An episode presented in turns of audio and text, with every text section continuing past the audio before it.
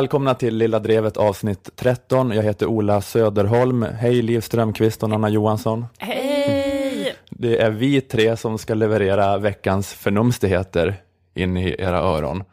Eh, Lilla Drevet är en podcast som kommer ut eh, varje fredag och det är en podcast för Aftonbladet Kultur. En kultursida som i måndags recenserade Henrik Schyfferts och Fredrik Lindströms nya föreställning Ägd. Just det. Eh, Det var en sågning. Aftonbladet Kultur hade problem med att showen inte tillräckligt tydligt tog politisk ställning. Oj. Bland annat skriver recensenten Jag har nämligen lite svårt att skratta åt skämt som bara är skämt. Jaha. Öh. Så det är ju på grund av den här recensionen som Kringland Svensson inte är här. Vi på Lilla Drevet såg ju den här recensionen som en vink från Aftonbladet Kultur om att vi var tvungna att sparka Kringland. Jag trodde att han fick sparken för att eh, han hade uttalat sig drogliberalt. Nej, det var från Barnkanalen. Ah, Okej. Men han är ju kanske den av oss som mest har gjort sig skyldig till ironiserande och skämtande där han har satt eh, själva tramset i första rummet och det arbetande folkets strävan efter rättvisa först i andra rummet. Och det är ju inte roligt. Det är Nej. aldrig roligt. Det är aldrig roligt. Det är inte ett lika bra skämt som att få höra det man tycker igen och igen. alltså det roligaste som finns är ju när någon aldrig trampar fel i sin vettighet. Undersköterskor borde ha högre lön. Det är mitt bästa skämt. Jag vet inte vad ni känner. Man vill ju liksom höra en humorpodd där någon bara läser de mänskliga rättigheterna igen och igen. Så därför har vi sparkat Kringland. Nej, det har vi inte. Han är, han, han är med igen nästa vecka. Ja. Jag bara skojar. Eh, Jag kommer återkomma till den här recensionen igen lite senare. Jag var så fascinerad. Spännande. Ja, halvspännande. Eh, recension av recension, det beror på vad man gillar att höra. men, det kanske, ja, men det kanske blir lite spännande. Jag, jag, var, jag var ganska fascinerad av den i alla fall. Du blev så, fruktansvärt rasande över att någon kunde säga något ont om Henrik Schyffert. Din egen Man- Henrik Schyffert. Man, man- får inte säga så om honom. Eh, vad ska du prata om Nanna? Uganda. Yes, vad ska du prata om Liv? Madeleine. Madeleine, just då nya bebisen. Just det. Vad heter den? Eh, Leonore? Leonor? Hur, Leonor. Det kommer från, från början från ordet Telenor. Okej, det är en försvenskning av det norska ordet Exakt. Telenor. Precis. Det blir också lite om Jimmy Åkessons barndomsminnen som alla har pratat om den här veckan. Just det. Gam- ja, lite tjatigt. Ni kan spola förbi om ni vill. Men eh, Jag då, tycker det finns mycket att säga. Ja, okej. Eh, Men vad negativ du är. Det känns som att vi försöker få igång lite så Ja, jag vet, positiv jag vet. energi här. eh, Bejakar. ja, förlåt. Ja, men det blir kul. Allt, allt blir roligt. Eh, då, då kör vi igång då.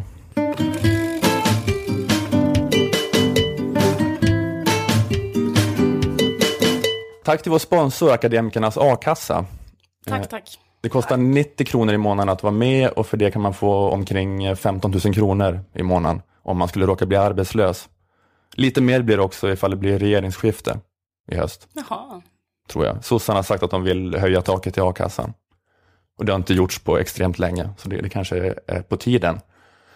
Eh, Så gå med i Akademikernas a-kassa eller i någon annan a-kassa. Eh, Det viktiga är att ni är med i någon. Och för att hjälpa er att välja har Akademikernas eh, tagit fram en a-kasseväljare. Så gå in på väljaakassa.se. Där kan ni fylla i er utbildningsnivå och bransch och då får ni reda på vilken a-kassa som passar för just dig. Eh, Men är du akademiker så är Sveriges största a-kassa, Akademikernas a-kassa, alltid ett eh, självklart alternativ. Eh, Så gå med, det ger dig trygghet och det är solidariskt och det är också dessutom Tufft. dessutom tufft och det är också bra för dina favoritpodcastprofiler i Lilla Drevet. Gå med i a-kassan, annars dödar du Lilla Drevet.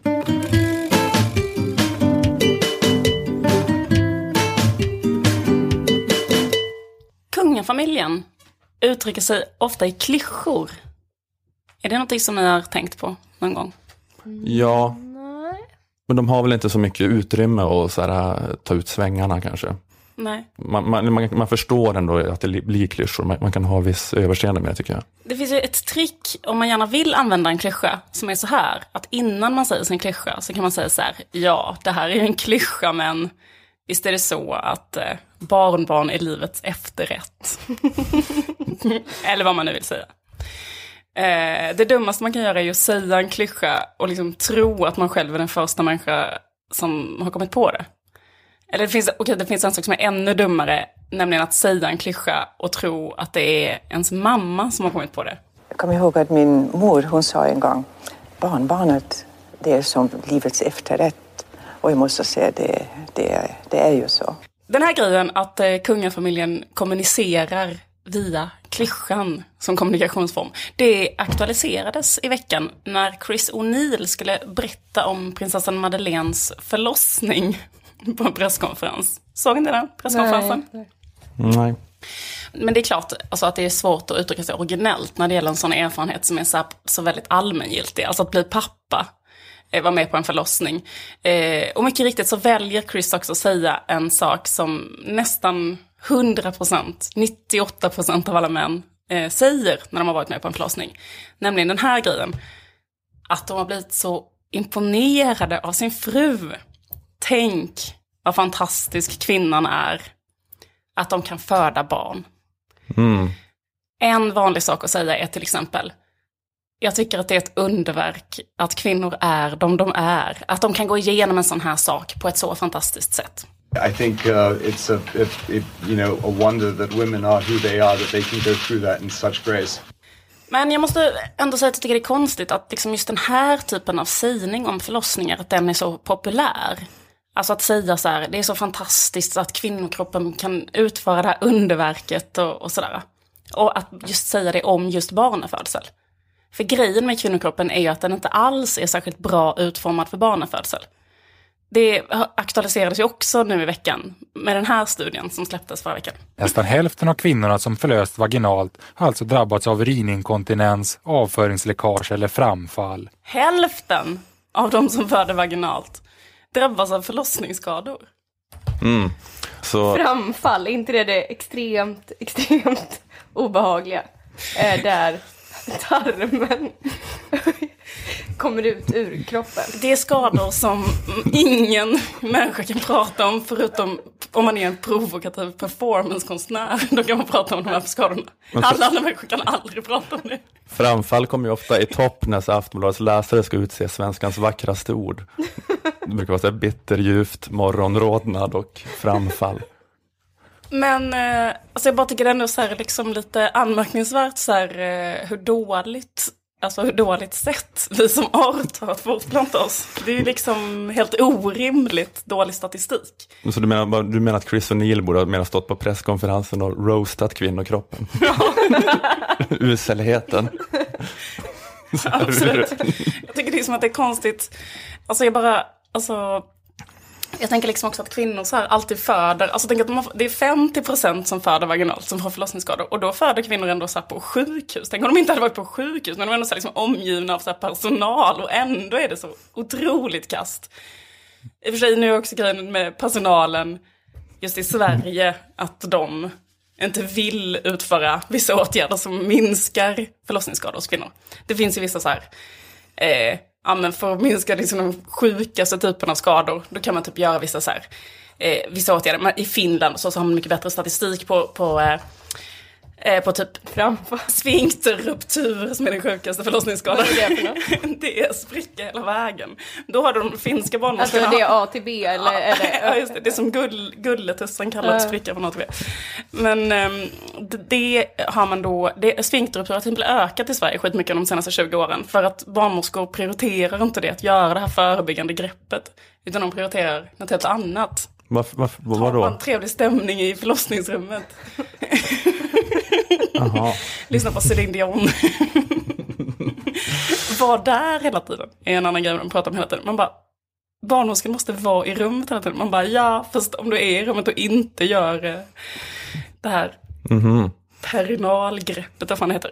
Guessing. Men det fanns ett, eh, ett avsnitt av Uppdrag granskning som handlade om detta. Det var ingen som såg. Nej. För ett tag sedan. Men vadå? Okej, men det är att, det, vad är det man ska göra för att det inte ska hända? Det är liksom att barnmorskan måste hålla, på, i, hålla emot i mellangården när barnet föds. Det finns ett speciellt grepp. Det heter så här perinalgrepp. och. Och alla finska barnmorskor gör det. Därför har inte de den skadan. Men i Sverige har typ, den har ökat och nu är det typ 7% av den skadan. Det låter som en ganska enkel åtgärd. Ja, men det är en Men är det att de tycker att det är äckligt? jag vill inte. Du kanske bara tycker att det är äckligt. Fast det måste vara ännu äckligare att behöva sy ihop någon. Ja men det är det de inte heller gör, utan de säger bara så allt gick bra, hej då. Nej. Jo, men det är också ett annat problem som är så att folk bara, ah, jag fick en sfinkterruptur märker jag själv tre månader senare. Därför att ingen sa det och ingen sydde. Och vi vill inte skapa dålig stämning. Men skit i det, för att jag menar även om, alltså jag menar att även om svensk förlossningsvård hade varit bättre så är det typ ändå så här en, en jävligt dålig förutsättning. Kvinnokroppen suger som liksom fortplantnings... Det är liksom, om, om det är så att 50% av förlossningsvård, det är så dålig statistik för naturen. Att jag känner att hur kan evolutionen ha liksom vaskat fram ett så pass kast sätt att fortplanta sig? Men är andra djurarter bättre? Går de sönder mindre, andra däggdjur? Ehm, det sjuka är att jag tror typ att alla däggdjur går sönder också. Nej, jag tror liksom att det är så här över hela skalan ointelligent design. Men även, Det är in- även eh, så, kloakdjur som lägger ägg. Nej, precis, jag ska komma till det. Men, men, men, men, det är liksom det som de, eh, då, att det är ointelligent design, så det är det såna, i USA när det är en levande debatt mellan de som tror på evolutionsteorin och de som är kreationister, att, och tror på intelligent design, att Gud har skapat en intelligent design, att det här är ett motargument mot det, liksom, så här, hur kan du tro liksom att, att det här är Guds plan? Ja men det är det som jag tycker är så otroligt konstigt. Därför att först är det ett motargument mot intelligent design. Och men det är också ett motargument mot evolutionen. För hur kan den grejen att spricka hela vägen varje gång man ska, eller liksom Ja, just det. 7% av gångerna man fortplantar sig. Hur kan den typen av fortplantnings, hur kan den arten ha överlevt så länge? Det, det, just det. Så det är ett argument för att Gud finns men är inte vis. Det är ointelligent design, det är som, eh, det är typ slapp design. Det är som att prins Carl Philip hade designat kvinnors förmåga att föda barn. Något som skulle imponera på mig, något som jag skulle tycka var ett underverk av en fantastisk förmåga att skapa liv. Det skulle vara om kvinnor till exempel kunde lägga ägg, precis det du snackade om innan. Eller hur? Ett stort ägg som de kunde ruva på. Eller ett ägg som inte behövde ruvas. Så ännu mer intelligent design. Ett ägg som kunde ruva sig själv. Ett ägg med päls kanske. Som män också kunde lägga. Jag tycker det är som om, fort, om fortplantningsprocessen hade varit så här. Med, åh, män och, och kvinnor lägger självruvande ägg i klippskrevor som man bara behöver lägga där. Och sen nio månader, eller ännu kortare tid, tre månader slipper man vänta så länge. Då bara går man dit, hämtar en jättegullig bebis, tar med sig hem. Då hade jag också stått och sagt så här, åh vilket underverk naturen är. Tänk vad människokroppen kan göra. Blir helt så här tårögd. Pälsägg hade vunnit alla omröstningar om svenskans vackraste ord. Men fram tills dess så tycker jag liksom det är bättre att man talar sanning om förlossningar. Istället för att säga saker som kvinnokroppen är fantastisk så tycker jag att man istället kan säga Risken att drabbas av avföringsläckage ökar med nästan 50 procent om kvinnan förlöses vaginalt. Jag vill att, liksom att det ska bli en klyscha istället. Att det allra vanligaste att säga efter en förlossning ska vara avföringsläckage ökar ju med nästan 50% när kvinnan förlöses vaginalt. Men alltså, är det inte att kvinnan förlöser vaginalt? Alltså, kvinnan förlöses? Mm, Det låter- det- kvinnan förlöses. Man säger så, okej. Det är bara att jag inte kan svenska. Jag tänkte att man, det låter som att man förlöser en hel kvinna, en vuxen kvinna. Och då förstår jag att det blir man är det större risk för eh, komplikationer. Man ska säga kvinnan förlöser vaginalt så skulle det vara att hon skulle förlösa någon annan med sin vagina. Typ. Ja, det är så. Ja, det, ja, just det, det är barnmorskan som förlöser. Just. Ehm, nej men jag tänkte bara att liksom Ja, det var att, ingen succé för mig det här. ehm, Fortsätt. Ehm, vad, skulle, vad jag skulle komma till att, att detta borde vara en klyscha. Och det borde bli en klyscha så etablerad att det är det som liksom är det naturliga för prins Daniel och Chris O'Neill att säga i alla sammanhang. Eh, när de blir intervjuade om sina fruars förlossningar. Och nu när drottning Silvia ska bli intervjuad om, om att hon har blivit mormor. Att hon då ska säga, jag kommer ihåg att min mamma sa en gång att avföringsläckage ökar med nästan 50 procent när kvinnan förlöses vaginalt. Avföringsläckage är livets efterrätt.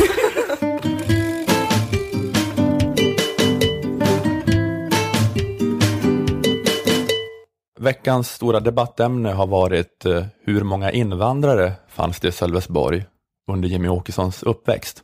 Just det. Tillräckligt många för att kunna skapa ett gäng eller färre. Eh, För Jimmy Åkesson var egentligen mer det här nyfiken på i söndags. Eller är det så här, tillräckligt många för att det ska vara rimligt att bli rasist? Eller färre? Ja, precis. Ja, det är en fråga. Vi, kan, vi kan återkomma till den. Eh, Men Jimmie Åkesson var äntligen med i Nyfiken på i söndags, det här programmet som vi har pratat om förut, eh, där partiledarna sitter i terapisoffan och berättar något om sin barndom. Just det. Och psykoterapeuten Paul Perry säger, vad gjorde det med dig? Bra imiterat.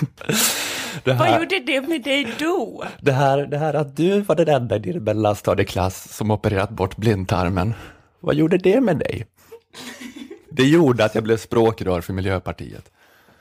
Ja, men nu var det då äntligen dags för Jimmie Åkesson, eh, som vi har sett fram emot. Eh, Och debatten efteråt har handlat mycket om eh, de här grejerna som Jimmie Åkesson sa i intervjun. Det är klart att min, min kritik mot den förda invandringspolitiken till exempel hänger ihop med att jag under den här tiden som jag bodde i det här lägenhetsområdet upplevde eh, i, i viss skala eh, den splittring och det, den, eh, de problem som det skapar om det kommer väldigt många invandrare till exempel till ett och samma bostadshus under väldigt kort tid. Ja, dels så givetvis var det ju så att på, på gården där vi lekte till exempel så, så eh, blev det olika grupperingar med barn från eh, andra länder som inte sällan då höll ihop och, och vi, ja, mot oss och det blev ofta typ av, ofta ibland också rent fysiska konflikter faktiskt. Mm. Eh, det har kommit en massa mothugg om det här som Jimmy säger. Dels då SCB-statistik om den låga invandringen i Sölvesborg. Det var nio invandrare tror jag under den perioden i hela Sölvesborg. Fast han pratar ju om att det är i samma hus. Så då kanske det upplevs mer. Jag tänkte faktiskt på det, att det var samma hus. Ja. Ja, ja det kan vi inte veta. Ehm, och dels massa då motvittnesmål från andra Sölvesborgare i Åkessons generation. Bland andra Aftonbladet-krönikören Patrik Lundberg som växte upp i samma stadsdel som Jimmy eh, och skriver att de enda invandrare som fanns var några supertimida pingstvänner som flytt från Ceausescus Rumänien. Eh, Och Jimmy blev väldigt upprörd över Patrik Lundbergs eh, krönika eh, och skrev ett svar. Jag ska läsa ett par meningar ur det här svaret. Innan jag läser det ska jag ge bakgrundsinfon att Patrik Lundberg är adopterad från Sydkorea och han har ju diskuterat och kritiserat eh, socialt accepterad rasism mot asiater. Kanske ni har, ni har hört om honom. Det var bland annat han som drog igång den här Kina-puffs-debatten. Att figuren på Kina-godispåsen var en osmaklig stereotyp. Just det. Eh, I alla fall, Jimmy skriver då angående att han och Patrik växte upp på samma ställe. Eh, vi skulle sannolikt kunna prata länge om såväl människor vi mött som händelser och skeenden. Att vi delar dessa erfarenheter betyder dock inte att vi också delar upplevelserna av dem. De är våra egna och personliga. På samma sätt som jag har svårt att relatera till din indignation över Kina-puffar kan du omöjligt förstå eller veta vad jag känner inför sådant jag upplevt under min barndom eller senare i livet. Eh, så det som händer här nu är att eh, Sverigedemokraterna har börjat använda samma argument som olika minoriteter brukar göra i sina identitetspolitiska kamper. Alltså majoritetssamhället har inte rätt att ta deras personliga upplevelser ifrån dem. Alltså som till exempel med den här Kina-puffs-figuren, då är det kanske en massa vita människor som säger att vad är det här för trams? Det är ju bara en teckning på en godispåse. Skärper. Hitler var rasist, men det här vet fan, känns som en skitsak. Men då är då motargumentet att de som tillhör normen har inte rätt att definiera vad som upplevs som kränkande. Det vita majoritetssamhället har inte företräde att avgöra vad till exempel asiater ska tycka är eh, obehaglig normaliserad rasism. Minoritetens upplevelser av vad som är obehagligt går före. Och det här kan man ju hålla med om Absolut. i, i stor utsträckning. Men jag undrar om jag inte tycker att identitetspolitiken har gått för långt när den ska innefatta folkgruppen Sverigedemokrater också. Att när vi som tillhörande majoritetsbefolkningen, alltså icke-sverigedemokrater, inte har rätt att ha några synpunkter alls på hur Sverigedemokrater upplever samhället. Om en sverigedemokrat växer upp i ett vanligt radhusområde men upplever att han växer upp mitt i ett knarkkrig i Compton, alltså då får man inte ifrågasätta Sverigedemokraten. Man kan inte ta ifrån Sverigedemokraten dens upplevelse. Alltså det är deras personliga upplevelser. Precis som man bara kan förstå hur kränkande karikatyren på Kina-godisförpackningen kan upplevas om man själv är asiat, kan man bara förstå hur kränkande det känns om en rumän börjar i ens klass om man själv är en sån som tycker att det är jätteobehagligt med invandrare. Tired of ads barging into your favorite news podcasts? Good news. Ad-free listening is available on Amazon Music for all the music plus top podcasts included with your Prime membership. Stay up to date on everything newsworthy by downloading the Amazon Music app for free or go to amazon.com slash news ad free. That's amazon.com slash news ad free to catch up on the latest episodes without the ads. Alltså de som inte själva är rasister har inte rätt att definiera den personliga upplevelsen som en rasist har. För det är bara ren rasism. Majoritetssamhället som förtrycker minoriteten. Eh, men sen den andra delen av det här... Eh, Jag tänkte faktiskt på det, eller förlåt. Ja. Ja, Men jag tänkte faktiskt på det också, den där grejen att för det, för det caset hade han också i intervjun med Paul Paris här, att en människa som inte har haft den upplevelsen kan absolut inte förstå den. För att Paul Paris frågade honom så här bara, "Eh, men det måste vara ganska udda upplevelse att vara partiledare och kännas ganska ensamt. Han bara, ja det är en upplevelse som ingen annan kan förstå. Därför att ingen annan har varit med om det jag har varit med om. Att starta ett ganska litet parti som snabbt blir stort och sen vara ledare för det partiet. Den erfarenheten är så specifik så det är kanske bara jag som har den liksom i hela världen. Så det är omöjligt för någon annan att liksom förstå den. Och det tyckte jag också var så här konstigt för att liksom att, att han är så otroligt fast i det här att så här, människor från olika kulturer eller så har pyttelite olika upplevelser. Att de aldrig kan mötas. De kan inte bo i samma land, de kan inte bo i samma bostadsområden.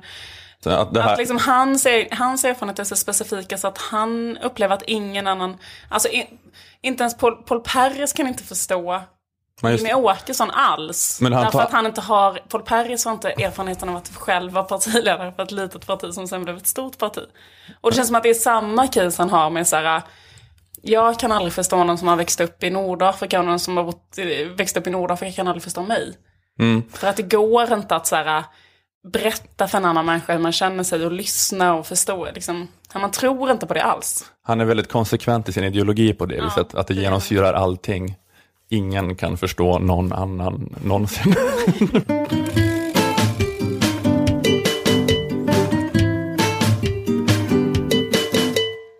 Ni har säkert hört om Ugandas nya antihomolag. Ja, och livstidsfängelse på allt, eh, allt homosexuellt levande. Precis. Eh, presidenten har skrivit på ett papper som säger då att eh, homosexuella kan få livstidsfängelse eh, bara genom att vara homosexuella och att alla medborgare har typ en skyldighet att ange människor som de tror är gay.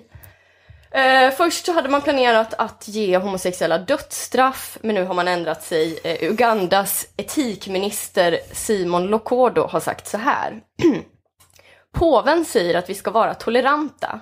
Och visst är vi toleranta. Vi massakrerar dem ju inte. Så det är praktiskt taget Jesu ord rakt av eh, där. Eh, men presidenten har eh, sagt så här om eh, homosexualitet. Inte ens nu kan jag riktigt förstå hur man kan låta bli att attraheras av alla dessa vackra kvinnor, här och annorstädes, men bli attraherad av en man. Och här skulle man kunna invända att om kvinnorna är så vackra, ja det kanske inte är så konstigt att även kvinnor blir attraherade av dem. Eh, men strunt samma, eh, det var inte det jag tänkte prata om. Men är det, är det så här, är det så här vi hatar bögar men vi tycker flator är sexigt? Är Kanske. jag, nej, men jag tror att det är... Nej, eh, det, det råder nog en sån fruktansvärd stämning att det är mer att man ska så bota... Ja. mm. Ehm, jag tänkte faktiskt inte snacka om hur eh, otroligt fel den här lagen är, för det tycker ju redan alla här i Sverige. Eh, det goes without saying. Till och med den mest hardcore kristdemokrat tycker att det är överdrivet av Uganda att sätta homosexuella i fängelse.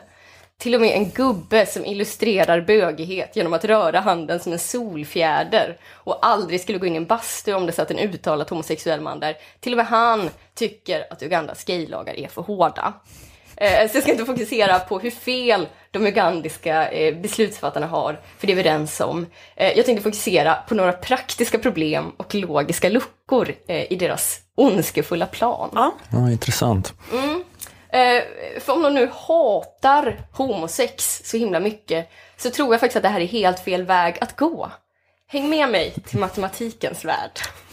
Gärna. Man brukar säga att eh, ungefär 5% av befolkningen är eh, homosexuella. Om vi då antar att det också gäller i Uganda som har 34 miljoner invånare så innebär det ju att ungefär 1,7 miljoner människor nu riskerar att dömas till fängelse. Eh, 1,7 miljoner, det är väldigt mycket människor. Det är lika många som det bor i hela Nordirland. Har de styrande verkligen tänkt igenom det här? För det första så kommer det bli väldigt dyrt. Man kommer behöva bygga en massa nya fängelser. Kumlaanstalten i Sverige har plats för 330 fångar. Eh, jag räknade ut att det skulle behövas 5000 Kumlaanstalter i Uganda för att få plats eh, med alla då homosexuella. Man kommer få bygga fängelser i stora radhuslängor. Radfängelser kommer bli ett nytt ord där. Och det är inte som att fångarna kommer vara där några månader. De ska ju vara där hela sina liv och behöva mat eh, och andra kostnader. Och då kanske de styrande i Uganda invänder, ja men medellivslängden här är ju inte så hög, bara 44 år. Eh, fast jag tror ändå att det hinner bli väldigt, väldigt mycket pengar. Och Uganda är ju inte ett superrikt land. Det är ju inte det. Särskilt inte nu kanske när eh, väst kommer dra in bistånd eh, på grund av den här lagen.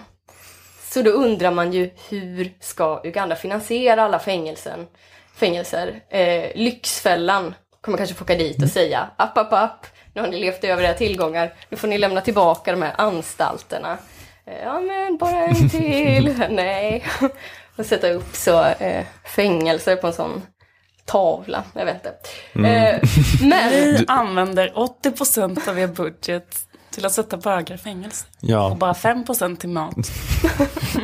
Hur tänkte ni här? vi har bara det här biståndet och det, ja, typ. det är inte alltså i Lyxfällan att det är folk som dricker för mycket Red Bull. Att det är det pengarna går till. Du dricker åtta Red Bull om dagen. Nu är det, Ja, det hade, hade mycket hellre sett. Bögfängelser är ju deras Red Bull. det är deras Red Bull. Men- Därför får vi öppna ett bögfängelse i månaden. Ja, men då får ni spara. Ni får inte ta lån, ni får spara ihop i så fall i förtid till oss. Ja, eh, men jag, tror liksom inte ens att ens det här borde vara presidentens största bekymmer. Eh, för det här med att skicka 1,7 miljoner homosexuella i fängelse är ju också kontraproduktivt för någon som vill minska antalet samkönade sextillfällen.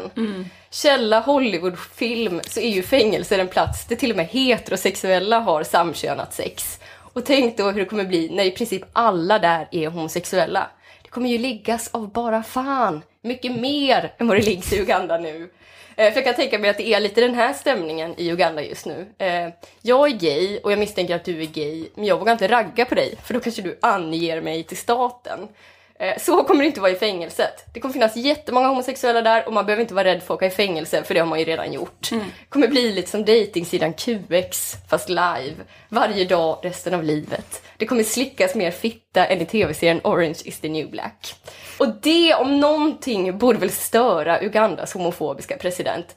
Eh, Jag tänker att det här skulle kunna vara ett argument som faktiskt biter på honom. Hatar du homosex? Ja men sätt då inte alla homosexuella i fängelse tillsammans.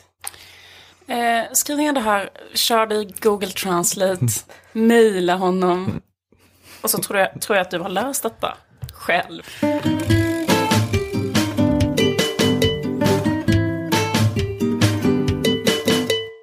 Eh, Ja, jag nämnde i början här Aftonbladet Kulturs recension och sågning av Henrik Schyfferts och Fredrik Lindströms nya föreställning, Just det. Ägd. Eh, recensenten hade problem med att showen inte tillräckligt tydligt tog politisk ställning. Eh, bland annat då med de här orden, eh, jag har nämligen lite svårt att skratta åt skämt som bara är skämt. Och, recensenten gnällde på att eh, Schyffert och Lindström inte har fingret i luften och lyckas fånga in samtiden. Att det är så inne nu att ha politiska åsikter. Eh, Men om inte showen fångade tidsandan så gjorde i alla fall recensenten det med den meningen kände jag. att jag har svårt att skratta åt skämt som bara är skämt. I alla fall samtidstrenden när det gäller synen på humor och, och komik. För det, det var något när jag läste den här kände jag att det, det kanske finns ett missförstånd som börjar spridas som jag känner att jag behöver reda ut. Ja. Och det är att det är tio gånger svårare att skriva ett riktigt bra tramsskämt än att göra politisk satir. Verkligen. Alltså tidigare skrev jag många tokroliga stand-up-skämt, men det var liksom tortyr. Alltså det, det är som att göra ett triathlonlopp att få ur sig ett sånt skämt. Alltså det är mest bara av lathet jag hamnat i den här politisk satirgrejen. För det är så enkelt. Det är bara, säg något vettigt, gör det med en raljant ton, ha en krystad liknelse, färdig. Och det är inte bara att de här då tramsskämten är svåra att göra, eh, de är också på många sätt bättre eftersom att de till skillnad från politisk satir kan leva vidare i decennier. Eller hur? Det är ju fortfarande kanske roligt med Woody Allens tidiga komedier eller Steve Martins standup-skivor. Eh, men han skriver då, den recensenten, Po Tidholm heter han, att eh, när det kommer till det här med att ha en plattform eller synas i media, som det brukar kallas, så har jag väldigt svårt att frigöra mig från att det kommer ett visst ansvar med att ha andra människors uppmärksamhet riktad mot sig. Har man privilegiet att bli lyssnad på så ska man helt enkelt säga något av värde. Är man inte en del av lösningen är man en del av problemet. Men gud, ja. Jag håller med honom. Jag håller verkligen inte med. Jag tycker det, jag är bara glad att inte, eller vad, vad skulle de ha att säga liksom? Det är inte som att det skulle komma något supersubversivt ur Fredrik Lindströms mun.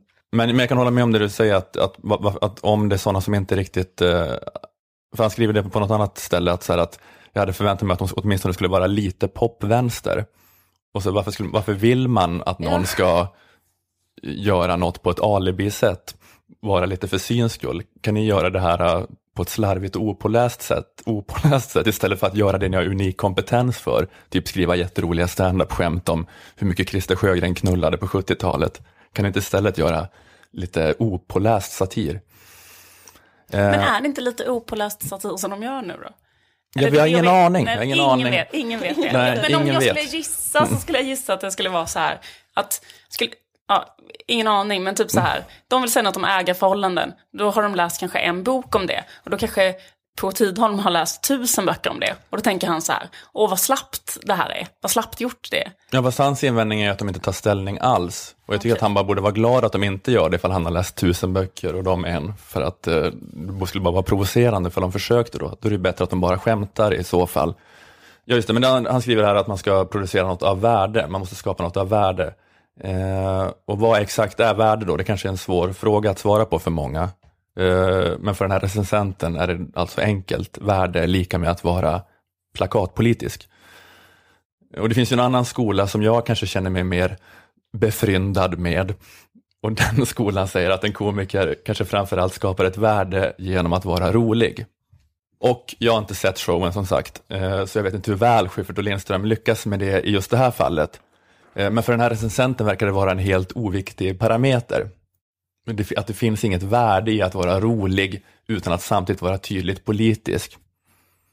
Alltså Killinggänget till exempel har inte skapat något av värde bara för att de inte har varit uttalat politiska. Så här, allt i Nile City, Spermaharen, Fyra nyanser av brunt, Glenn Killing, tusen miljarder sketcher och karaktärer som enligt oerhört många människor varit extremt roliga.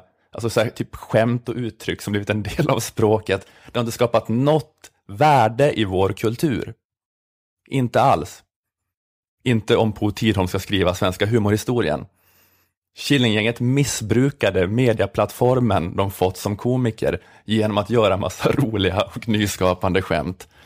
Alltså däremot, samtidigt som Killinggänget kanske mejslade ut Torsk på Tallen-karaktärerna, så kanske typ någon gammal stöt från Fria Proteatern eller Claes Eriksson stod på Klara Sopp-teater och sjöng Sigvard Marjasin, Sigvard Marjasin, samtidigt som de klippte sönder kvitton. Och det hade någon slags värde. För att det tog ju ställning, det vred om kniven på politikerna.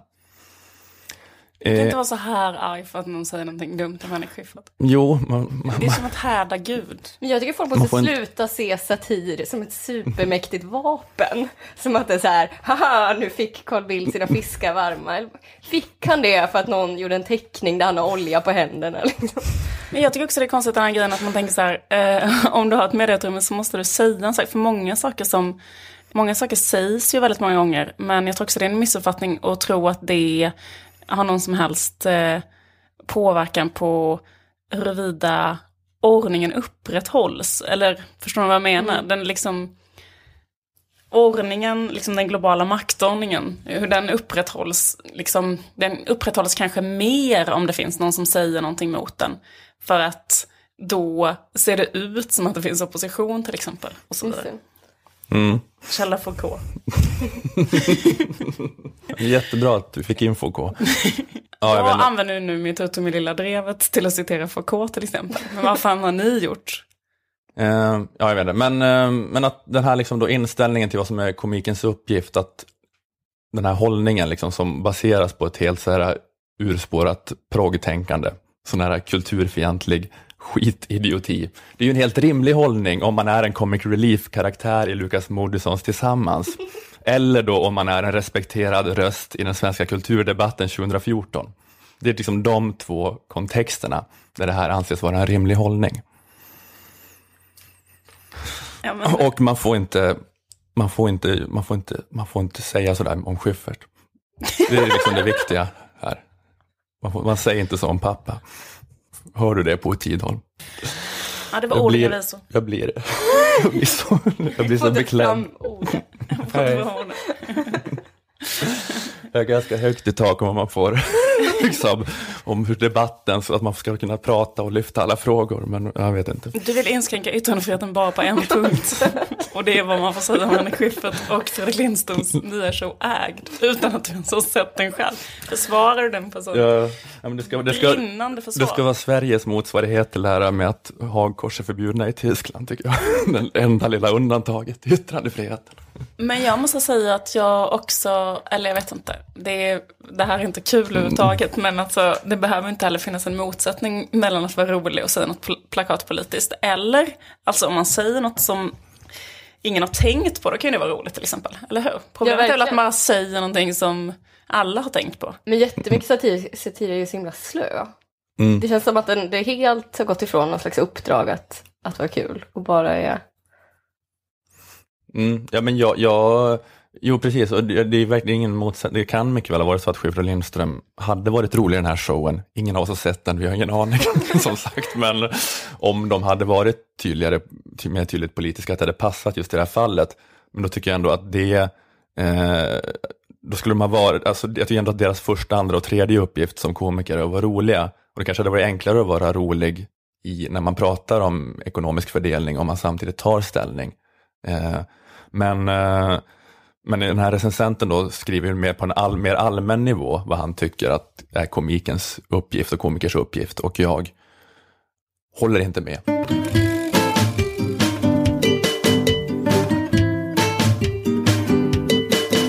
Har ni märkt, märkt någon eh, skillnad i Sverige den senaste veckan? Mm, nej, jag vet inte riktigt. Menar du om jag har sett något vårtecken eller så? Ja, precis. Jag tänkte att du skulle prata lite grann om. Nej, men det är ju så att, eh, att Sverige fick ju en ny lag som trädde i kraft, eh, eller som röstades igenom. Den har faktiskt inte trätt i kraft än, så det är inte så konstigt om vi inte har märkt något än. Men det är ju den här djursexlagen, att det nu är förbjudet att ligga med djur. Och det var ju, eh, alltså det, det, det, det blev ju tillåtet 1944. Precis, då legaliserade man djursex och homosexualitet. Eller var det så? Nej, Jag tror faktiskt inte det var så. Jag tror att man legaliserade homosexualitet. Nej, just det. Det var det att man sa att det var en sjukdom kanske. Ja, men nej, så här var det. 1944 så allt, eh, allt som eh, ansågs vara bestialitet tror jag slutade liksom vara straffbart. Och då var, tror jag, djursex och homosex, liksom, det var i samma kategori. Sen så fortsatte homosexualitet, fortsatte man anse att homosexualitet var en sjukdom fram till 79 eller sånt där. Just det. Ehm, ja, nej men det är, jag har ju varit liksom en slags eh, debatt då om den här eh, lagen. Alltså, eller egentligen har det inte varit så mycket debatt för att alla riksdagspartier håller ju med om det här. Att det är svinviktigt att just lagstifta kring att man inte får ligga med sina husdjur eller någon annans husdjur. Mm. Ehm, men, ehm, ja, men så är det den här grejen med att liksom, eh, alltså djurplågeri är ju förbjudet. Så typ om man skadar ett djur. Mm. Psy- Så- Fysiskt eller psykiskt så är det straffbart. Precis. Om man skadar, Eller alltså, känslomässigt. ja men det konstiga med hela lagen är så här. Det är liksom att det är tillåtet att typ så här trycka in en jättestor eh, spermaspruta till exempel i en ko. Utan att tänka att det är kränkande för den kon på något sätt. Eller att den kon ska tycka att det var jobbigt. Ja men det är ju det som är liksom det- problemet med den här lagen, att, för att, eh, att djurplågeri är eh, olagligt och det känns som att alla fall då liksom folk våldtar djur täcks redan in av den gamla djurplågerilagen. Men sen däremot att man inte får ha sex med djur överhuvudtaget för att som du säger liksom med Ja, men inom avelsindustrin, man har ju så här lösvaginor som man mjölkar tjurar på sperma med. Och det är ju ett sexuell, sexuell handling med en tjur. Men det, är så, man kan liksom, det blir så konstigt om man ska säga att djur har så här, äh, sexuell integritet på samma sätt som människor, att de ska kunna ge ett informerat samtycke. Vilket de inte kan. Så att det blir väldigt, alltså, hur- ska veterinärer jobba? De kan ju inte få ett informerat samtycke när de liksom kör också- upp äh, handen i vaginan på någon Men- ko eller något. Men också hela grejen att man också brukar så här stycka djur och äta upp dem till frukost. Så det är liksom hela den här grejen att så här, Klistra eh, fast dem på Lady Gaga. precis, typ, det är liksom våldta någon och styckmörda den och äta upp den. Eh, då är det bara lagligt. alltså typ om, eh, Göra skor av den. eh, precis, men typ om, eh, Gör askfat av dens kranium. Ligg inte mer. precis. Ja men typ de som mördade Katrin da Costa. Om det hade varit ett djur så hade det alltså varit då inte förbjudet med våldtäkten. Eh, men däremot stycka och äta upp får man ju göra. Får ju alla vi göra med djur. Ja, nej, ja, men tvärtom. Eller våldtäkten har varit förbjuden, men styckande. Alltså nu är det så. Alltså innan, innan för en vecka sedan i Sverige. Så hade det varit lagligt att göra mot ett djur vad Katrin da Costas våldtäktsmän gjorde mot henne. Våldta, styckmörda, äta upp. Men, ehm, i och för sig, nu kanske inte de åt upp henne. Men ni fattar Men jag tror inte att det ens hade varit tillåtet att våldta, för att alltså, det är, ingår under djurplågeri. Nej, men alltså jag, jag tror typ att så här, eh, om man inte kan bevisa att djuret har fått en skada så kunde man då inte dömas för det innan. Eh, och det finns liksom sen 70-talet eh, 200 fall eller någonting av tidelag.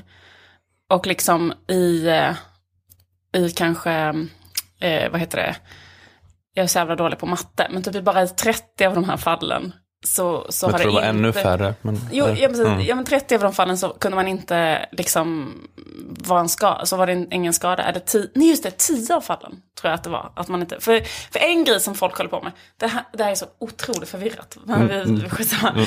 men alltså, om man skadar ett djur som vissa psykon håller på med, som är typ så här, tar en glasflaska och skära i en häst, liksom, könsdelar, den typen av grej. Ehm, den, det är ju alltid förbjudet. Men däremot om man skulle då typ ligga med en häst utan att, att den skulle få en fysisk skada. Det har inte varit förbjudet. Det har inte gått att lagföra. Det är fast det ingår också psykisk skada i djurplågerilagen. Men det är nog ofta väldigt svårt att påvisa. Men ifall man ser att hästen ser orolig och ledsen ut kanske eller något efteråt i hagen. Ja, det, är- det, är svårt, det är svårt. Men, eh, ja, men, ja, men det, ja, det känns ju lite grann som att det är en lite så här ogenomtänkt eh, och meningslös lag kanske. Det var väl bara sju personer som hade dykt upp vid voteringen också tror jag. Det var sju eldsjälar. Men jag känner att den här lagen, jag tror att den har kommit till lite grann på samma sätt som Ugandas eh, antihomolag kom till. Alltså, inga, alltså det är ju, den här lagen gör ju varken från eller till, det spelar ingen roll. Och den lagen i Uganda är helt, har helt fruktansvärda konsekvenser, så jag vill inte jämföra dem så. Men jag tycker att det är samma så här, grupppsykologi som har gjort att lagen har drivits igenom. Att det, att det, att det var så i Uganda att någon föreslår det, sen så, så fort någon säger emot så säger de, är du bög eller? Och så är det så i parlamentet, är du bög eller? Nej, nej jag är inte bög, så röstar alla menar att det är med. så i riksdagen nu? Ja. Ligger du med Ligger- en sköldpadda? Ja, ty, eller, eller i alla fall, tycker inte du att det är äckligt? Det är väl äckligt? Alltså det är ju det det Till och handlar med om. Björn Söder twittrade det för att Oisin Cantwell på Aftonbladet skrev ju någonting som var mot den här lagen. Så här, "Men den här lagen är liksom helt orimlig morallag. Och då skrev, skrev Björn Söder så här, undrar vad han gör på fritiden. Boom! Så att det är det som Björn Söder har gått runt och sagt till alla i riksdagen. Så det är därför alla har varit för den här lagen. Nej men jag vet inte, men det jag känner så här, det är väl eh, också att om man är så pass eh, sjuk i huvudet från början så att man typ ligger med typ sin hund. Då tänker jag så här, att, liksom att man redan har så passerat så fruktansvärt många så kulturella, sociala, emotionella gränser. Så den gränsen att så här, Åh nej, Det står i eh, lagboken. det står i lagboken. Att, det, att det skulle vara det som skulle vara det liksom sista, eller det, det, det mest, det, starkaste argumentet för en sån här person att backa från den idén. Det tycker jag känns så orimligt. Det är, liksom, det är liksom en lag för människor som kan stå ut med exakt vilka sociala stigman som helst, men ändå vill vara liksom inom juridikens råmärken. Jag vill bara vara juridiskt accepterad, sen kan jag vara hur, hur socialt oaccepterad som helst. En komisk eh, grej också, att- eller en konstig grej, det är Jag liksom måste att, bara säga, om det kan hindra en sån människa från att vålda sin tax, då kanske vi ska vara glada för den här lagen. Så jag tänker jag kommer få 20 dagsböter. Eller att jag kommer bli paria i samhället. Ingen kommer vilja ta i mig med tång. Det gör inget. 20 dagsböter. Jag kan inte. Mm. så här, min mamma lärde mig alltid lyda lagen. Pappa lärde mig att ligga med taxen. Ja. Kanske klippa det lite tidigare. Eller hade du, hade du något mer du hade tänkt säga? Nej, bara att jag tycker att det är fel att ligga med djur. Det här skämtet har Tiden skrivit.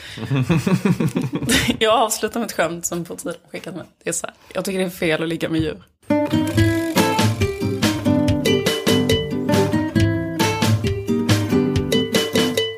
Det var allt för idag. Lilla drevet är slut. Jag kan inte linda in det på något sätt. Jag bara säger det rakt ut. Det är slut. Kul att ni lyssnade. Mm, tack snälla för att ni lyssnar. Eh, och eh, tack till vår sponsor igen, Akademikernas a-kassa. Gå in på aea.se och eh, läs vad ni gör för att gå med i a-kassan. Det här är en podcast för Aftonbladet Kultur. Eh, vi hörs igen nästa fredag. Hej då! Hej då. Hej då!